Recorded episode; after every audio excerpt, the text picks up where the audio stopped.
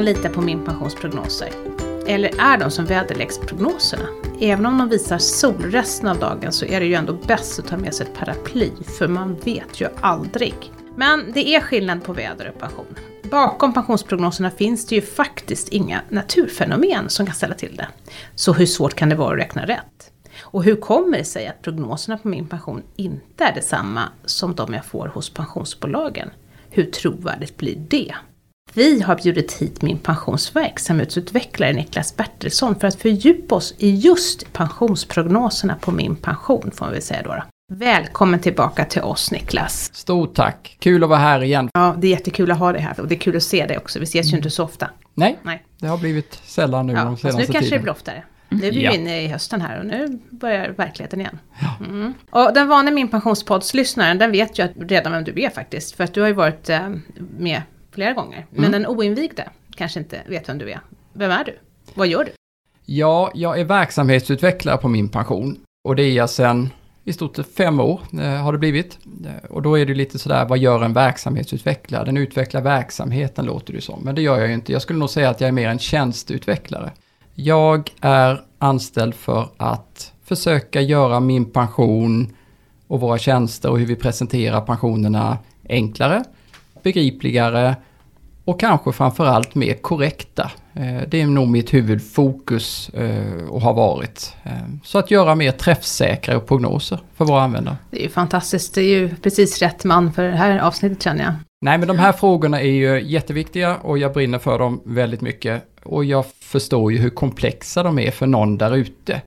Faktiskt. Det är, det är alltid roligt att få de fåtal tillfällen när man har kontakt med våra användare direkt. Att försöka förklara det här så begripligt och enkelt eh, som möjligt. Det är, en, det är en utmaning men det är en spännande utmaning. Mm, och nu ska det nog ganska många då med den här podden tänker vi. Ja, det här blir det absolut mest lyssnande i min precis. Ja, det tror pensionshistoria. jag med faktiskt. Det kommer slå allt. Och i dagens avsnitt så deltar ju också jag och Maria Eklund och vår pensionsekonom Kristina Kamp. Hej Kristina! Hej hej! Vad gör en pensionsekonom då? Ja, jag försöker att förklara det som Niklas har sagt ännu mer begripligt. Vi jobbar väl egentligen lite grann med samma sak, fast eh, Niklas är ju mer fokuserad på så att säga hur min pensionsprognoser ser ut och själva verktyget. Och jag är väl mera försöker förklara varför vi har de pensioner vi har. Och hur de funkar för just dig. Mm. Det är verkligen, jag är verkligen omgiven av två experter här, känner jag. Ja, det här blir bra. Nördar. Första frågan då. Det finns en massa olika prognoser. Det finns för väder, arbetslöshet, ekonomi och ja, nu har till och med Folkhälsomyndigheten börjat göra prognoser. Det kanske de gjort alltid, men det är först nu vi har uppmärksammat dem. Men vad är en prognos? Vem vill svara? Niklas får börja, det är hans bord. Ja, det är, men en prognos för mig är ju någonting att, att säga någonting om framtiden. Att försöka förutspå framtiden. Och det vet vi alla hur enkelt det är naturligtvis. Det är ju bara som vi var inne på att titta på vädret. Ja, men det är kanske är enklare att, att förstå liksom och tänka att få en prognos för vädret i eftermiddag eller i, imorgon. Men vi vet också, ja men det är ju svårare en vecka framåt. Ännu svårare, hur kommer vädret bli till jul? Eh, hur blir det nästa sommar? Ju längre tid framåt, desto svårare blir det. Ju mer faktorer har man att ta hänsyn till och ju större osäkerhet blir naturligtvis prognosen. Och för, i en pensionsprognos så handlar det om att göra en prognos för, i många fall kan det ju vara 10 år framåt i tiden, eller 20, eller 30 eller 40. Eh, och det är väldigt mycket faktorer som påverkar. Både de inställningar du gör själv, eh, hur ser dina, vad har du valt att du jobbar som, hur ser din lön ut, eh, vilka politiska beslut kommer, vad kan vi tänka oss om börsens utveckling. Ja, ni märker, det är ju hur många faktorer som helst att hålla reda på här. Så det är en komplex materia som man behöver göra enklare och begripligare. Och det blir ju på något sätt, jag brukar säga att en, det enda man vet om en prognos det är att den inte kommer att stämma. Mm. Eh, men man vet inte hur, hur mycket den inte kommer att stämma. Och man vill ju på något sätt göra den så träffsäker som möjligt. Framförallt när man närmar sig uttaget av pensionen. Men jag tror att det är helt viktigt också att förstå vad är det som vad prognosen grundar sig på. För att jag menar en prognos är ju inte bara att man sätter upp ett finger i luften och så säger ja men så här blir det ungefär. Utan vi gör vissa antaganden. Vi antar att du har en viss lön. Vi antar att den inflation är så här. Vi antar massa saker, löneutveckling och sådana saker. Eh, problemet med prognoser, ungefär som typfall, och sådär, att det, de tänker ju bara linjärt. Alltså man drar bara, man har liksom en, så här ser det ut nu och så drar man ut den där liksom linjen så långt det går. Eh, och det är väl där det brister då, för så ser ju sällan livet ut. Det är ju inte så att när du börjar ett jobb när du är 23 och så kommer du gå på det samma jobb varenda dag och så kommer du få en exakt likadan löneutveckling som liksom alla andra och samma varje år. eh, så att jag tror också att för att förstå sin prognos så måste man nog förstå vilka, vad den bygger på. För då är det lättare att förstå varför den kan variera. Ja, då kommer nästa fråga. Kan man lita på min pensions pensionsprognoser eller ska man ska man liksom ta dem med en nypa salt nu? Som jag hör att ni nästan tycker att man ska göra. Nej, men där, jag tror man också, på, på något sätt för mig är det en, en liten tudelad fråga. För det är också, ligger det kan man lita på min pension? Mm. Eh, vilka är vi? Vad har vi för intressen? Vad står vi bakom? Har vi några liksom baktankar med det här? Har, har vi, ett, har vi ett uppdrag från staten? Har vi ett har uppdrag vi från våra anslutna aktörer? Ja, självklart har vi det. Nej, eh, det är det som är så, vi är ju ändå den aktör vi är med att, att se på det här objektivt. Eh, vi har ett uppdrag från våra ägare och anslutna aktörer, eh, finansiärer, att vi ska göra en så träffsäker prognos och, och ge information om pension utan att ha något vinstintresse, utan att liksom vi ska ge den mest korrekta prognosen vi kan. Så jag tror där är ju liksom på något sätt min pension gäller att ha reda på. Så att man inte tror att, ja men okej, det där är ett, en aktör som säljer någonting eller vill att vi ska jobba längre eller jobba kortare eller något, för det är inte min pension. Nej, vi gillar det här med fakta. Mm. Eh, och att vi, att vi brukar också säga att det är så enkelt så du ska vilja veta mer. Det där med veta mer tycker jag är också viktigt. För att om man förstår, eh, jaha okej okay, om jag har en lön så får jag en pension. Om jag har lite högre lön så får jag förmodligen lite mer pension och så vidare. Så man förstår hur saker och ting hänger ihop. Och det tror jag att, men så tycker jag att det känns som att min uppgift är att lära alla, vad är det som gör att du får den pension du får? Liksom, vilka parametrar är det som spelar roll för dig? För att då, då kan man ju också förstå att okej, okay, om jag skulle gå ner i deltid liksom i slutet av mitt liv, då kanske jag inte kan räkna med samma prognos som jag hade förut. Eller tvärtom, om jag får ett lönelyft, nej, då kanske jag inte heller, liksom, då kommer också pensionen, eller eh, prognosen att förändras. Som sagt, den tänker linjärt och om mitt liv inte är linjärt, då, då måste jag tänka om. Då gör jag helt enkelt en ny prognos. Det är ju det bästa.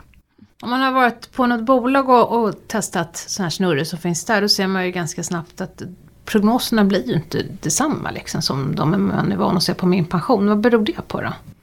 Det kan finnas många olika svar på den frågan. Ofta är det ju att man räknar med olika förutsättningar. Vi på min pension har ju på något sätt en, vi tänker ofta enligt en försiktighetsprincip. Vi, vi räknar hellre för, för lågt än att vi räknar för högt. Sen, sen, kan vi räkna för högt också, absolut. Men det är ju det är lättare att ha en användare som blir positivt överraskad, eh, sen ska man bli lagom positivt mm, överraskad, mm. än en alldeles ställd över att ja, men ni sa ju så här mycket, men det blev ju så här lite. Så det är ju någonting, och det kanske, det tänket har nog inte så mycket en, en del andra aktörer med sig. För de vill ju ofta också, det finns ju någon tanke där bak beroende på vilken aktör det är naturligtvis, att att man ska spara mer. Så där kan det nog ofta också vara eh, dels att man har för lågt redan nu så att man måste, man måste spara mer. Eh, det kan finnas en sån tanke hos de här eh, aktörerna. Men också att du, du kanske överdrivs lite hur bra det kommer avkasta framåt. Mm. För det, det, man vill ju gärna, okej okay, om jag sparar den här tusenlappen extra i månaden, oj vad det kommer att utvecklas bra. Det här kommer att bli jättebra. Ja men det här måste jag sätta igång med.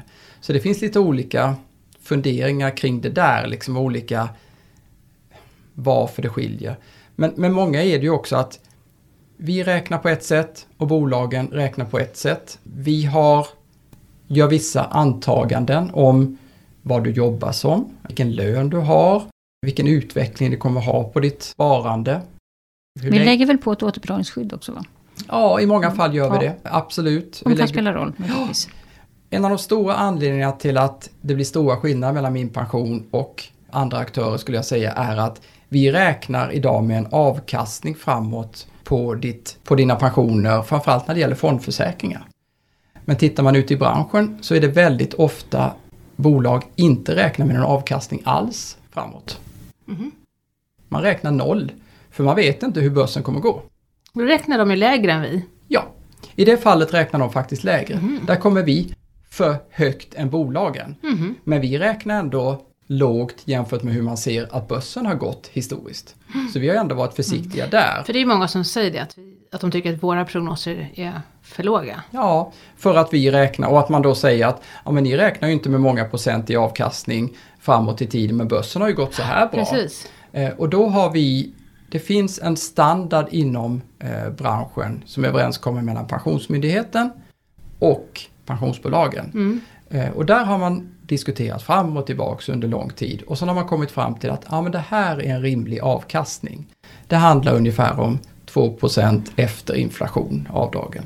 Och det är inte särskilt mycket naturligtvis. Eh, Börsen har ju gått som en raket här under många år. Men sett under lång tid så har man kommit fram till det där. Men många då fondbolag där ute i branschen, när de räknar sina prognoser, då kan det vara 0 Och då 0% minus avgifter och liknande, så du hamnar på en negativ Då måste man ju gå avkastning back på sikt. Ja, men lite så ju. Ja. Och då blir det ju, gör du då en prognos med ett långt uttag och under en lång sparhorisont, då blir det stora skillnader i det här.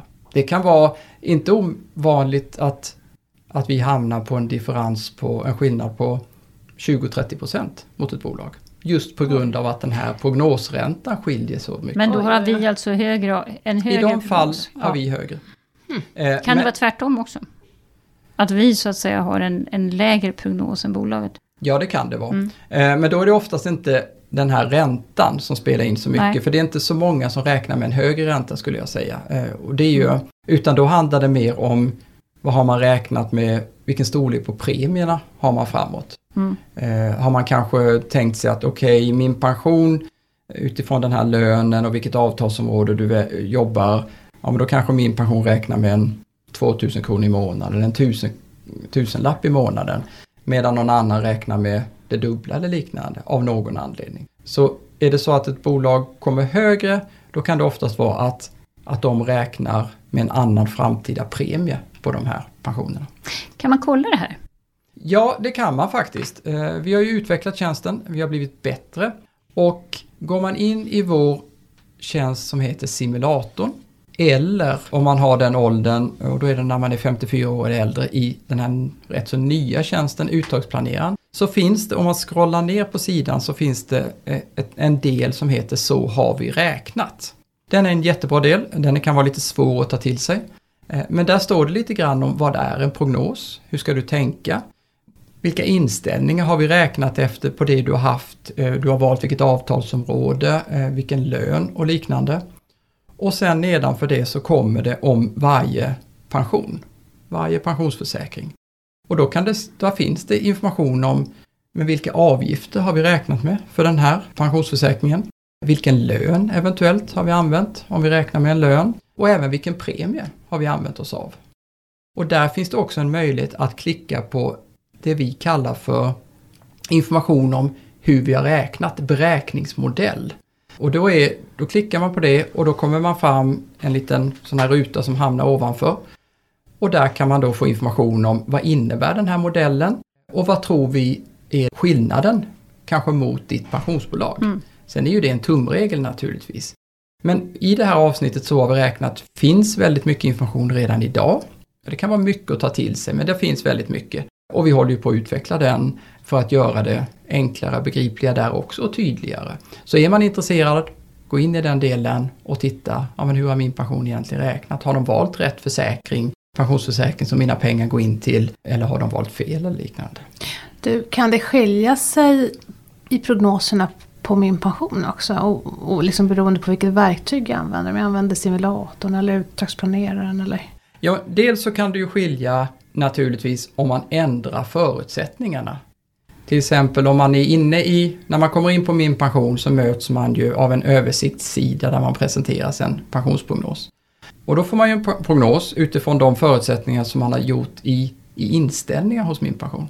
Men sen går man in kanske till vår simulator. Och där kan du ju göra förändringar och byta. Om jag vill räkna på en annan lön eller jag vill räkna på andra uttagsåldrar eller uttagslängder och liknande. Och då blir det ju naturligtvis en skillnad av den anledningen. Men det finns också skillnader mellan den prognos, eller kan finnas ska jag säga, det är inte alltid, men det kan finnas skillnader mellan den prognos du får när du kommer direkt in till min pension och den du får i simulatorn och den du har i uttagsplaneraren. Och det finns lite olika anledningar till det. En anledning är att i uttagsplaneraren är det vissa bolag som räknar själva. Än så länge är det egentligen i praktiken ett bolag. Det är AMF, eh, men fler bolag är på väg. Och då innebär det att dels så är det så att där i uttagsplaneraren så, så ställer vi en fråga till AMF och frågar vilka möjliga uttagsåldrar och uttagslängder finns det för den här pensionen? Och sen levererar de tillbaks det till oss. Så därför kan det skilja med vilka mm. val man kan välja i uttagsalternativ i uttagsplaneraren jämfört med i min pensions övriga tjänster. Så då har man en möjlighet till skillnad. Och dels så är det så att när vi har fått svar och man väljer vilken uttagslängd och uttagsålder man vill ha, då skickar vi en fråga till AMF i det här fallet och ber dem att räkna själva. Och sen skickar de tillbaks svaret till oss. Och då kan det ju vara så att de levererar tillbaks ett annat svar än när vi själva skulle ha räknat på det. För då är det till exempel, ja men de räknar ju på den här räntan som de har som i de sina har, system. Ja, Medan vi när vi mm. räknar i andra tjänster, då räknar vi enligt den här standarden som finns i branschen. Så de kan räkna lite lägre alltså? Ja, oftast blir det ju då lägre i deras fall, mm. för, vi, för de kanske räknar 0% skulle det kunna mm. vara då i en, i en mm. fondförsäkring. Sen har vi en annan skillnad, det är att är vi i van, är det, när det är min pension som räknar, Eh, då är det, och det är en vad vi säger kollektivavtalad tjänstepension. Till exempel SAF LO om man jobbar som arbetare eller ITP, ITP1, eh, ITPK om man jobbar som tjänsteman eller PA16 och liknande. Liksom de här kollektivavtalade tjänstepensionerna. Är man i vanliga översiktsprognosen eller i simulatorn, då räknar min pension fram premien hur stor vi tror den kommer vara. Men när vi uttagsplanerar just i AMFs fall, då tar vi den premien som AMF har levererat till oss. Och då får vi med till exempel om man eh, sätter av extra premier till den kollektivavtalade tjänstepensionen. Eller vi vet att vissa branscher har ju inte de här normalavsättningarna eller klassiska standardavsättningarna. Ni kanske har hört de här 4,5% upp till en viss lönegräns, 30% däröver. Utan vissa branscher, och yrkeskategorier kan ju ha 6% eller 9 och liknande. Så då blir det ju att AMF har en högre premie som de har fått från en valcentral mm. än den min pension har räknat fram. Och då Men, kan det också bli stora skillnader av det där. Så det är en av anledningarna till att det kan skilja mellan min pensions uttagsplaneraren och min pensions övriga tjänster. Så då är det helt enkelt så att jag, det är mer korrekt kan man säga i, i uttagsplaneraren då än vad det blir i simulatorn? Jag ska ja, tro mer på det som står där.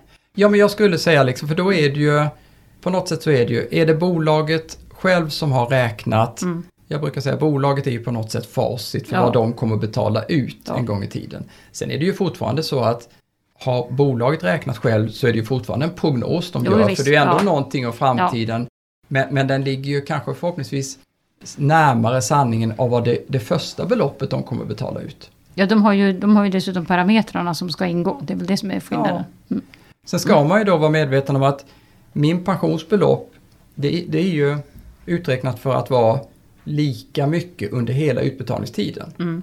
Men, men har man en, räknar man som bolag med en avkastning på 0% framåt, men när det har gått ett år, ja, men då kanske den inte var 0% i utbetalning utan den kanske var 10 Ja, då kommer ju bolaget att justera de här mm. beloppen. Mm. En del bolag justerar beloppet varje månad under utbetalning.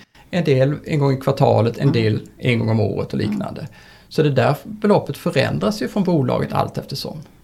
Men det låter ju som att där finns en uppsida för mig som pensionär då. Att det förmodligen kommer att bli lite högre, mer pengar i plånboken än vad det såg ut som från början. Ja men så är det nog mm. i många bolag. Eh, problematiken med de här låga räntorna, avkastningsantagandet, det är ju att du kanske får lite mindre i början, mm. men du får mer i slutet. Mm. mm. Men jag tror de flesta vill nog ha mer i början och mindre i slutet kanske. Mm, beror på. Ja, nej, men absolut. Hur länge ska du leva? Ja. Men man kan vara med och det är framförallt ja. när man har ett uttag som är hela livet ut. Ja. Då kan det ju vara så att då kanske man vill ha så jämn utbetalning som möjligt. Och då räknar man med en prognosränta, försöker liksom hitta rätt. Men räknar man inte med prognosränta, ja men då blir det kanske mindre i början mm. och sen blir det mer och mer ju längre du lever. Mm. Lev länge. Det låter bra. Vad kan jag göra själv då för att prognoserna ska bli mer rättvisa? Går det? Att göra någonting själv?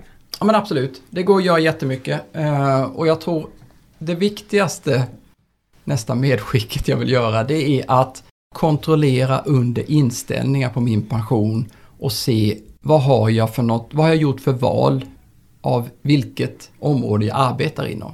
Man kanske har valt en gång i tiden eller man fick hjälp av att välja och idag stämmer inte det. Mhm. Och vi vet ju också att ja, men hur lätt är det för någon som inte håller på med pension att, att välja rätt i den här floran av förkortningar. Varför hjälper vi dem inte idag?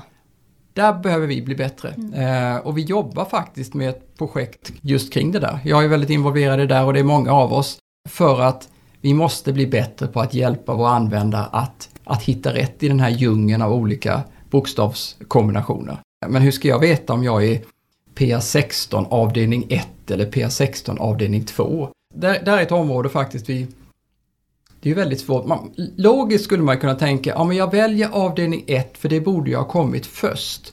Och jag kanske har kommit upp lite i åldern, jag börjar närma mig pension. Ja men avdelning 1 låter ju rimligt. Eh, avdelning 2 borde ju vara för de yngre. Men nej, så är det ju naturligtvis inte. Det är ju exakt tvärtom.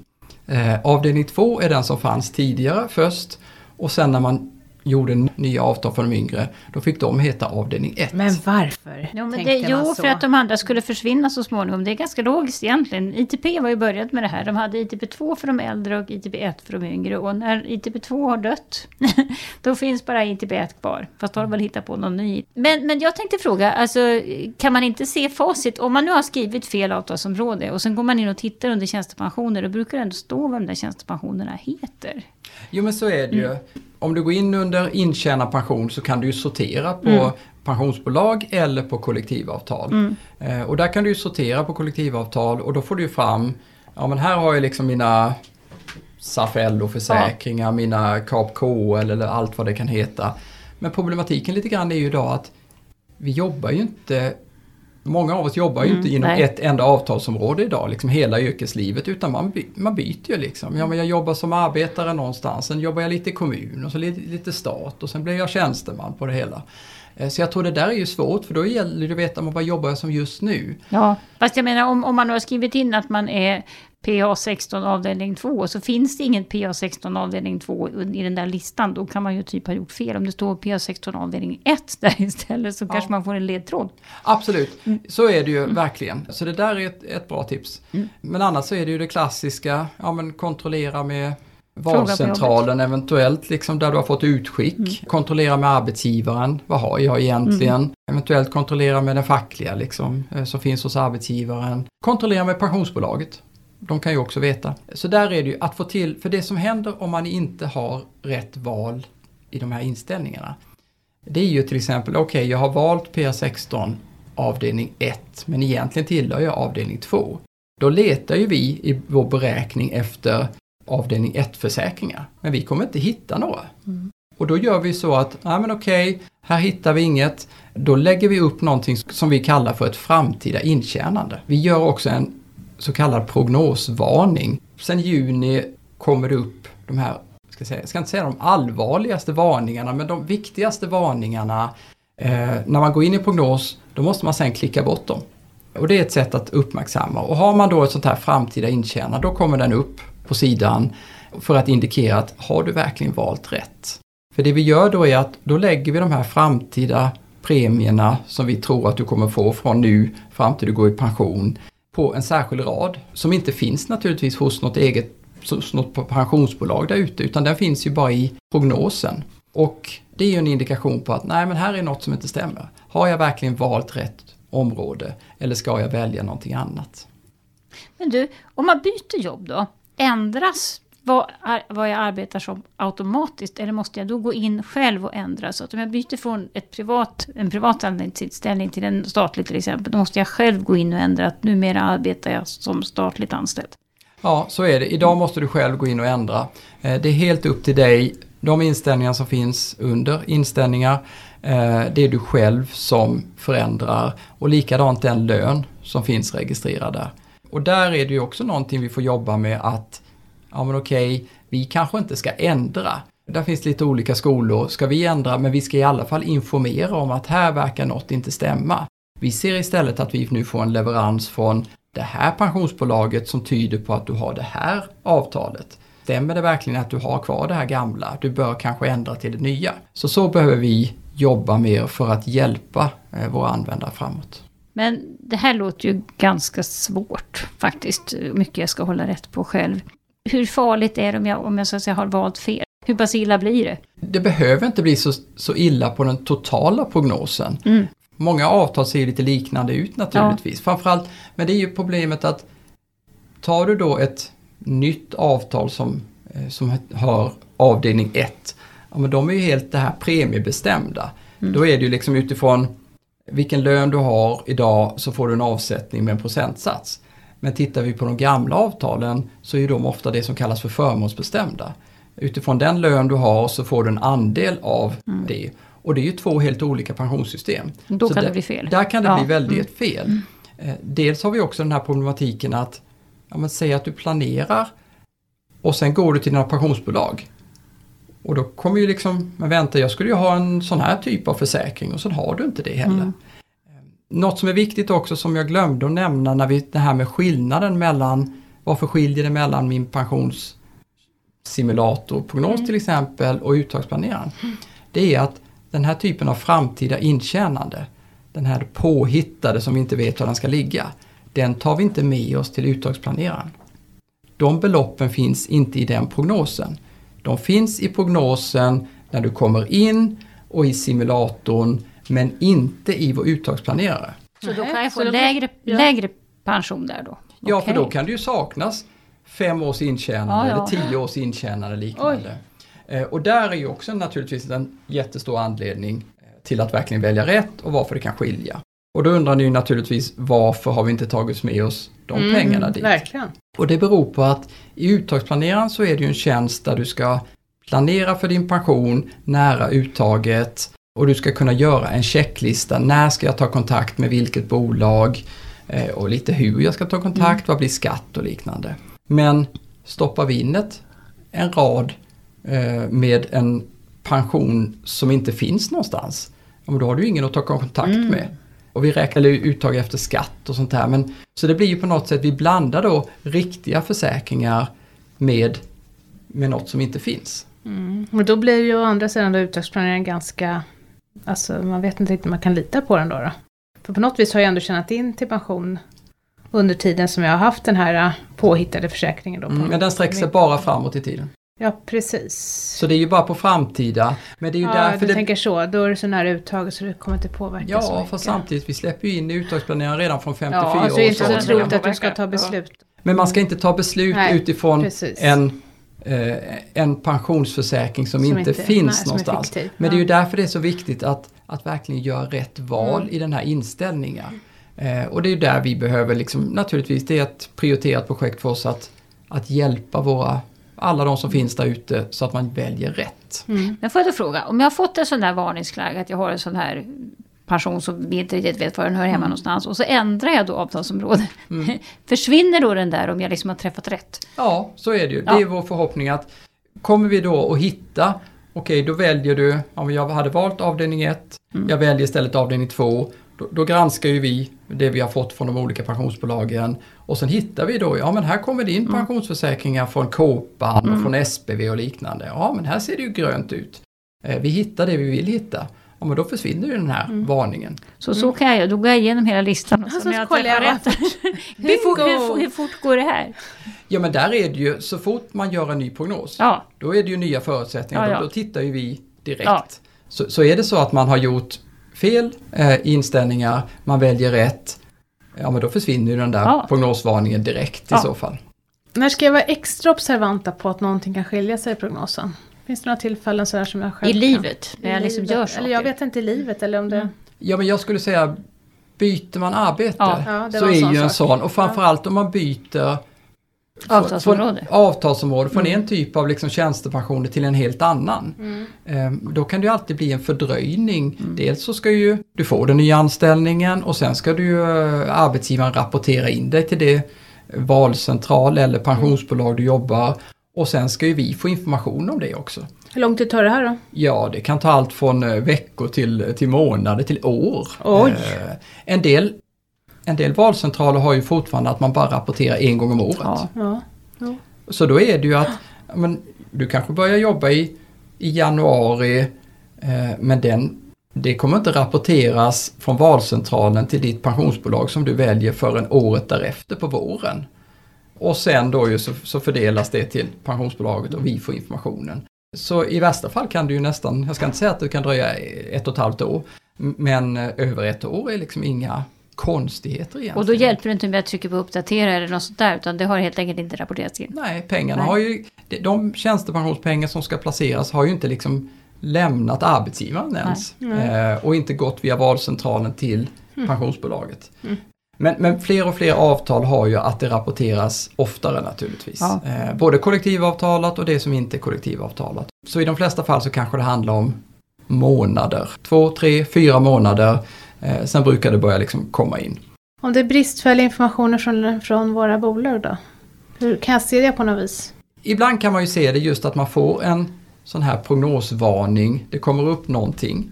Eh, man kan också se information om man går in i intjänad pension. Så kan det finnas eh, små symboler efter varje pensionsförsäkring. Då kan man hovra med musen över där och så kan det stå information. En del kan vara lite kryptisk, en del är mer tydligt. Men jag tror det är en bra signal att, att titta, det är bra att titta där för det kan ge bra signal om att här är något, det kanske kommer då någon skicka, men vi har lite osäkra uppgifter om din pension. Ja, Okej, det är en liten varningstecken kanske eller, eller liknande. Så det är ju, men det är ju svårt, för det vet inte ens vi om det är något som saknas. Vi kan ju, när jag tittar ibland och hjälper vår kundservice eller hjälper någon enstaka enskild individ, användare, individ, det låter eh, byråkratiskt. Ja men okej, jag kan med min kunskap förstå att ja, men här är något som saknas. Här kommer ju någonting från det här bolaget men vi får inte en annan typ av pensionsförsäkring som vi borde få i den här kombinationen. Men det är ju jag med min kunskap. Eh, Jag kan ju också titta på de här filerna vi får från bolagen och se Ja men vänta, här verkar det vara någon gammal uppgift när den senast betalades in. Eh, Men det, är det rätt? Nej, det är det nog inte. Liksom. Det är nog bolaget som skickar något konstigt här. Men det ser ju inte jag som Nej. den normala användaren utan det är ju dels jag bakom kulisserna och dels med min kunskap som jag har. Utan då är det ju mer det här, okej, kommer det en sån här prognosvarning om framtida intjänande? Något är märkligt. Men törs jag ringa kundservice då kan jag räkna med att de kan och orkar hjälpa mig. Ja, det får vi hoppas. Ja, Eh, jag tror ett första tips är ju testa till att börja med att Byta gå in avtals- under, ja byta avtalsområde Ja. naturligtvis, inställningar, det är huvud. Sen kan man också under insamlingsstatus göra en manuell uppdatering. Klicka, klicka på uppdatera. för då är det så att då, då frågar vi igen alla bolag. Mm. Eh, Och då kan det vara så att, ja men okej, du hade, förra gången vi frågade hade du inget hos det här bolaget. Men nu när vi ställer en ny fråga, då har det kommit in en pensionsförsäkring där, för du har fått en ny anställning, eller du har gjort ett nytt val. Så det löser mycket. Det kan också vara så att, vi brukar säga att bolag har ibland lite hicka i systemet. Oh. Ja, men de- det, är, ju- det är mycket information som ska transporteras mellan oss och framförallt till oss naturligtvis, från bolaget till oss. Det är massvis med information hela tiden. Och ibland så är det ju så här att de här systemen, ja de, de går ner en liten sekund eller något eh, och då kanske vi får fel information. Eller man får något problem i systemet och då kan det vara många gånger så att ja, man gör en uppdatering igen, man väntar kanske någon dag däremellan och då rättar det till sig per Jag tänkte säga att det kan vara läge att vänta någon dag. Man, Ja. man ska inte vara för het på gröten helt enkelt. Nej. Men sen är det ju naturligtvis, nej men ta kontakt med vår kundservice. Glöm inte, mejlar man in till dem via vår kontaktsida, ge dem ett medgivande. För då får de tillåtelse att titta på dina pensionsförsäkringar. Och de har ju ofta så bra kunskap så de kan också göra den här bedömningen. Nej men du, har du verkligen rätt avtalsområde? Du kanske ska ligga här eller här vet vi om en känd begränsning just nu mot det här bolaget. Vänta ett litet tag. Eh, Eller så är det så att de heller inte hittar problematiken utan skickar det vidare till, till oss som sitter på min pension som specialister. Och så får vi granska det och så kommer vi att i, i de allra flesta fall komma på att nej men det är det här liksom. Det är den här kända begränsningen, det är den här, du har valt det här men borde väl välja det här eller, eller att jag eller någon av oss andra tar kontakt med ett bolag och säger vi verkar få konstig information från er. Skickar ni verkligen rätt i det här fallet och även i andra fall? Och då gör de en undersökning och sen kanske de korrigerar. En fråga, får vi alla pensioner? Kan det också vara så helt enkelt att jag har en pension som faktiskt inte finns med på min pension? Absolut, så kan det. Det är inte jättevanligt förekommande, men det, men det finns. Individuella pensionssparanden är ju en, en sån produkt som vi inte får från alla bolag. Mm. Exempelvis så är det, ju, det är ju, vilka har vi som levererar idag? Det är SEB, det är Skandia. Indicap. Indicap också ja. Men de andra får vi inte IPS mm. ifrån. Och många har ju IPS i till exempel ja, men Swedbank till mm. exempel, mm. eller Avanza eller Nordnet eller något liknande. Och de finns ju inte med. Mm. Men det finns ju också sådana, idag är det så svårt att veta vad är en pension? Går du till en bank eller ett försäkringsbolag så kommer ju de, vill du spara till pension så sker ju det idag via en investeringssparkonto, ISK, eller en kapitalförsäkring. Men det är ju inte, tjänst, det, det är inte pensionsförsäkringar Nej. och därför får inte vi det rapporterat till oss. Eh, och vi har också vi ska inte hantera den typen. Mm. Varför inte? För vi har ett uppdrag från, från branschen och att vi ska hantera pensionsförsäkringar. Du kan sätta spett på pengarna också, brukar jag säga. Ja, det finns andra regler. Mm. En pension är ju liksom, den är väldigt speciell och uppfyller vissa kriterier. Mm. Du får inte plocka ut den tidig, absolut inte tidigare än 55 då ju. Och inte i klump. Och inte i klump. Du kan inte pausa den sen och sånt här. Och den beskattas sätt. olika. Ja. Mm. Hur svårt kan det vara?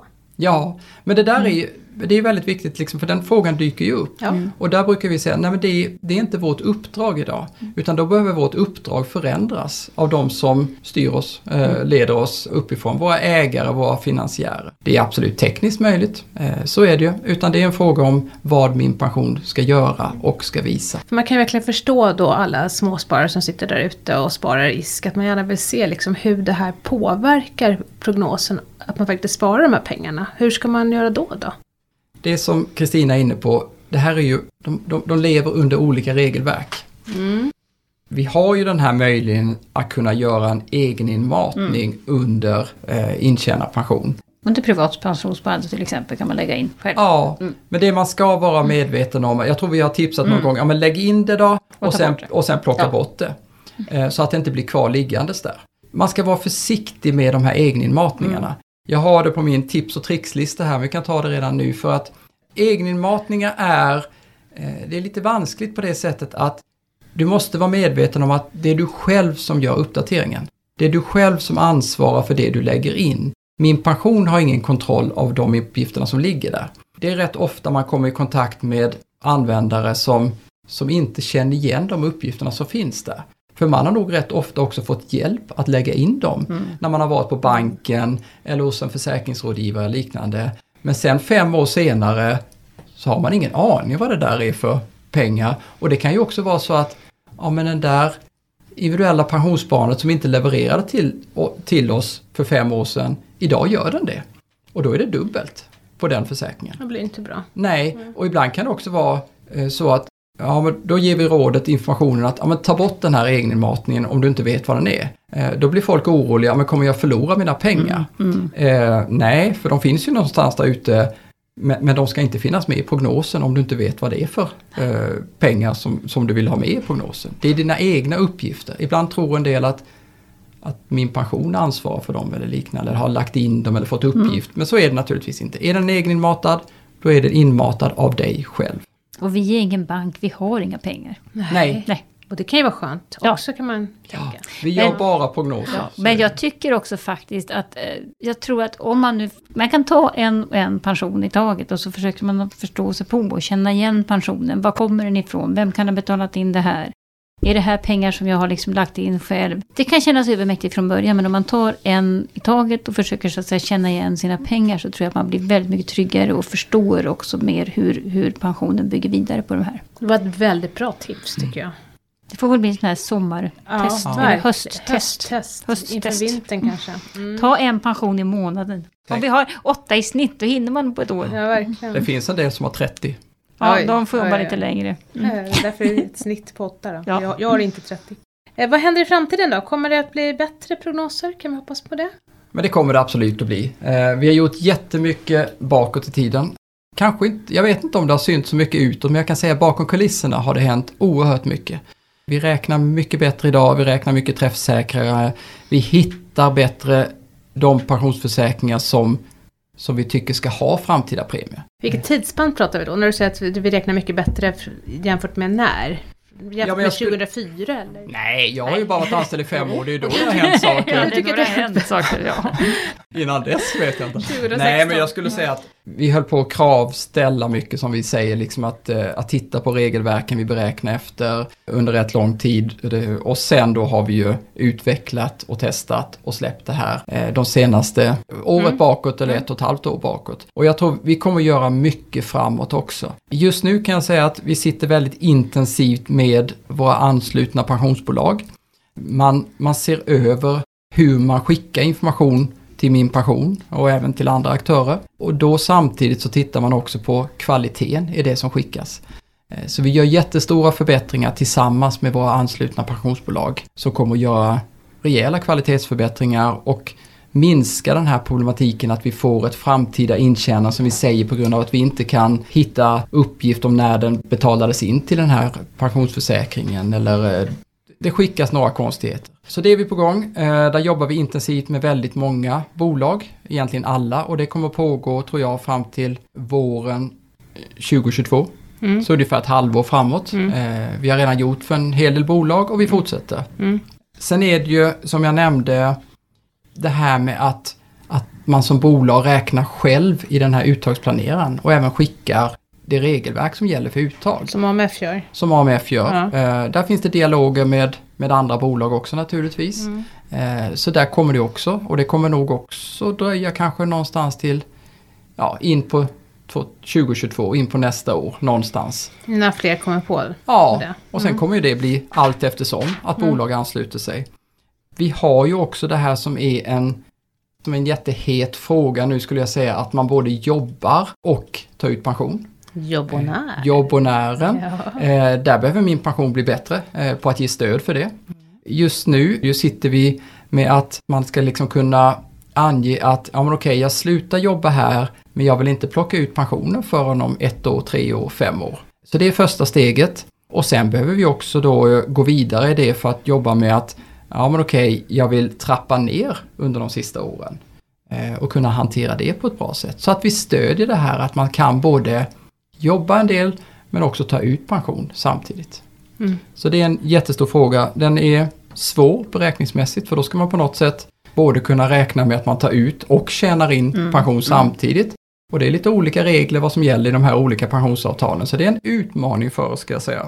Men någonting ska vi ha att göra. Och sen är det ju, vi vill ju också få loss information från våra kära valcentraler. ja, det vill vi. Eh, Den är ju en jätteviktig pusselbit för oss för det är ju, vi vet ju inte idag vilket försäkringsbolag du har valt.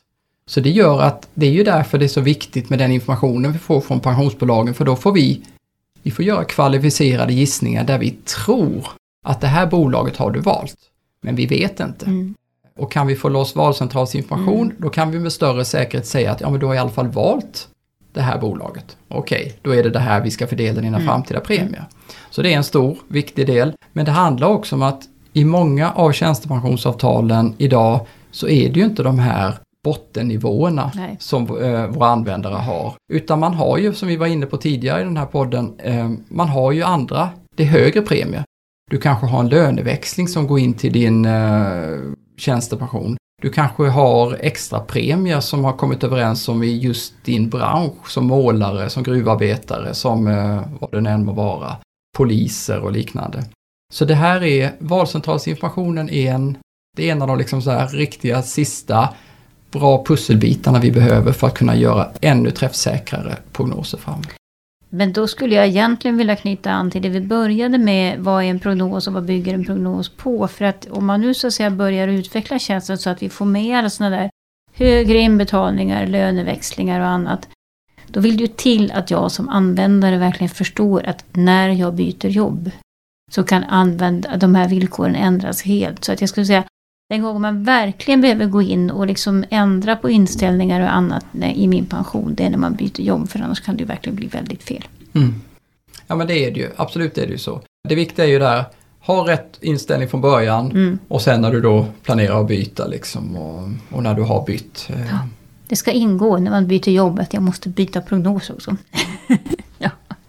Ja, är det någonting som ni tycker vi ska prata vidare om här eller ska vi sammanfatta?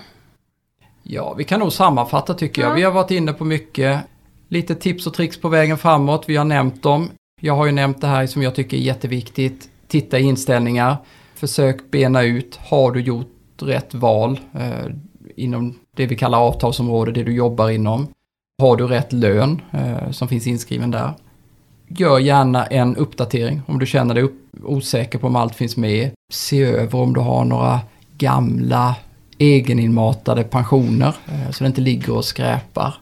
Har jag mer? Ehm, ja, men får du en, en varning, en information, lägg lite tid, titta på den och försök bena ut vad kan det här bero på? Är det här något jag behöver bry mig om? Förstår du inte något av det här, liksom behöver hjälp? Ja men naturligtvis, ta kontakt med vår kundservice. Vi finns ju här för att hjälpa till liksom. och vi, vi har ju hört de här frågorna några gånger, liksom, vi har fått till oss dem eh, och vi kan ge svar. Eh, och vi kommer kunna ge svar på antingen direkt via vår kundservice eller så finns ju jag och mina kollegor som en sista linje för att hjälpa till.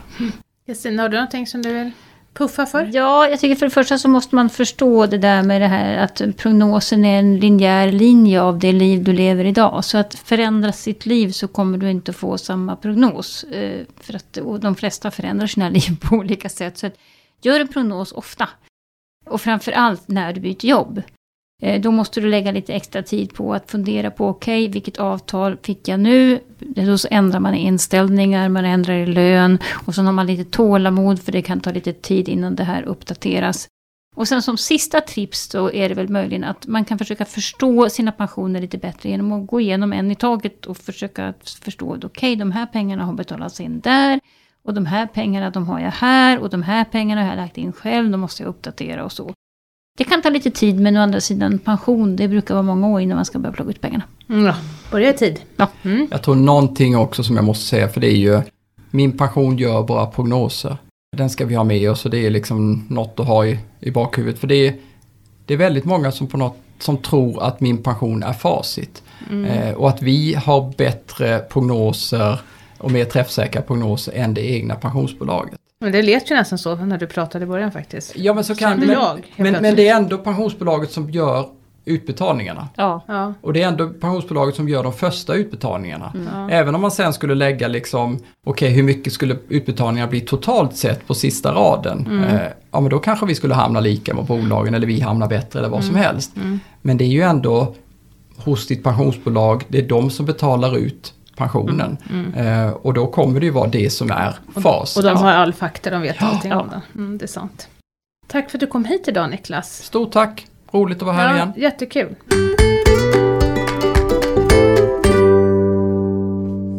Dagens fråga kommer från en person som undrar varför den ska vända, den har varit i kontakt med vår kundservice och fått veta att den ska vända sig till eh, sitt pensionsbolag nu när det saknas en pension i hans eh, pensionssammanställning då på intjänad pension. Och då är han lite upprörd för han tycker att det här borde väl faktiskt min pension ha koll på inte, han ska väl inte slussas vidare till sitt bolag. Vi kan ju bara visa upp på min pension den information vi får. Och här låter det som att då har vi inte fått information om den här pensionen. Och det skulle ju kunna vara som det här att ja, men det kanske är en sån här investeringssparkonto. Eller det kanske är ett eh, individuellt pensionssparande som min pension inte har leverans av idag. Jag hade också här tidigare i veckan faktiskt en, en direktpension som det heter. Ja, men det låter ju som en pension eh, men den är inte enligt skattelagen eh, klassad som en pension.